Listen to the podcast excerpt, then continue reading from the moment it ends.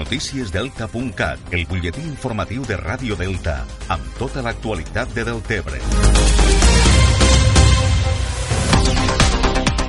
Temps ara per repassar l'actualitat d'avui dilluns a Ràdio Delta. Diversos estudis han demostrat que zones humides com el Delta de l'Ebre poden ser claus per combatre el canvi climàtic a escala planetària. El per què cal buscar-lo en la capacitat que tenen estos espais naturals rics en aiguamolls per absorbir el CO2, un dels grans causants de l'efecte hivernacle, l'augment de les temperatures i del nivell del mar. Per a que les zones humides facin esta funció de desguàs de CO2, cal però fer-ne una gestió determinada. En el cas del Delta, el programa d'ecosistemes aquàtics de l'IRTA fa temps que ho investiga i ha determinat que si bé en algunes zones sí que es compleix esta funció, en altres, en canvi, s'aconsegueix l'efecte contrari, amb l'emissió de gas metà.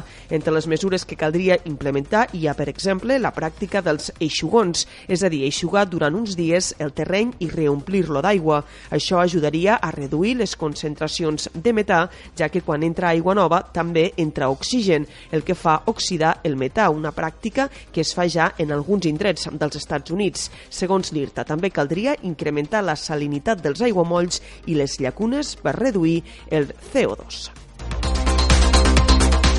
Més del Tebre ha ofert quatre grans pactes als partits que concorreran a les eleccions municipals del mes de maig per tal de revertir la situació actual del municipi i amb l'horitzó posat a l'any 2027, quan del Tebre complirà els 50 anys de la segregació. En el marc de la conferència El del Tebre que farem, celebrada el passat divendres, el candidat a l'alcaldia, Joan Alginet, va proposar a la resta de partits polítics quatre acords. Un pacte pel talent i per l'ocupació per atraure empreses amb valor afegit que permetin a la gent jove en formació poder viure i treballar a del Tebre, un pacte per la integritat del Delta per lluitar contra la regressió i els problemes del Delta en el marc de la taula de consens i territori, també proposen un tercer pacte per definir el model de projecte turístic i finalment un pacte d'imatge i urbà en el que Més del Tebre proposa que el 2027 del Tebre siga un municipi lliure de barreres arquitectòniques amb desaigües tapats i sense pals de llum.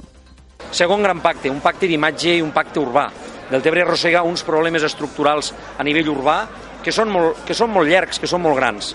I el del Tebre del 2027, el del Tebre dels 50 anys, ha de tindre l'horitzó clar de que la nostra proposta, que plantejarem a tots i que a més ho tenim eh, en consideració de fer, el del Tebre de l'any 2027 no ha de tindre barreres arquitectòniques, ha de tindre tots els desaigües tapats, no ha de tindre pals de llum, no ha de tindre la imatge, sobretot de la, de la vora del riu, en què plantejarem o proposarem que el canalet, del, tot el que és el tram urbà, sigui soterrat, igual que el préstamo.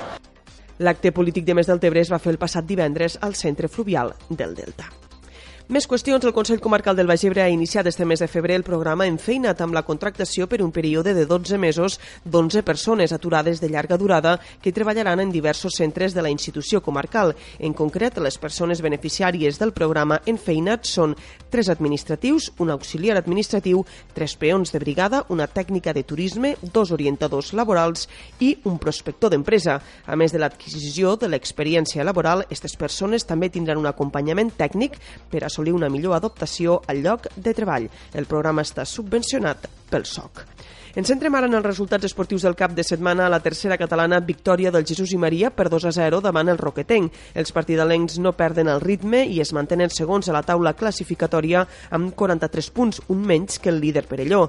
La Cava va empatar a dos amb el Sant Jaume en un partit disputat que va començar amb un gol matiner de Dual Bacar al minut 11, però la Cava va saber reaccionar i empatava 3 minuts després. El Sant Jaume va tornar a avançar-se a la segona part, però a 3 minuts del final Joan Ramon va empatar el partit partit. Amb l'empat, la Cava es manté vuitè amb 33 punts i un partit menys. A la quarta catalana derrota per 1 a 2 de la Cava B davant el Benissanet i el del Tebre va empatar a dos gols davant l'Amposta B.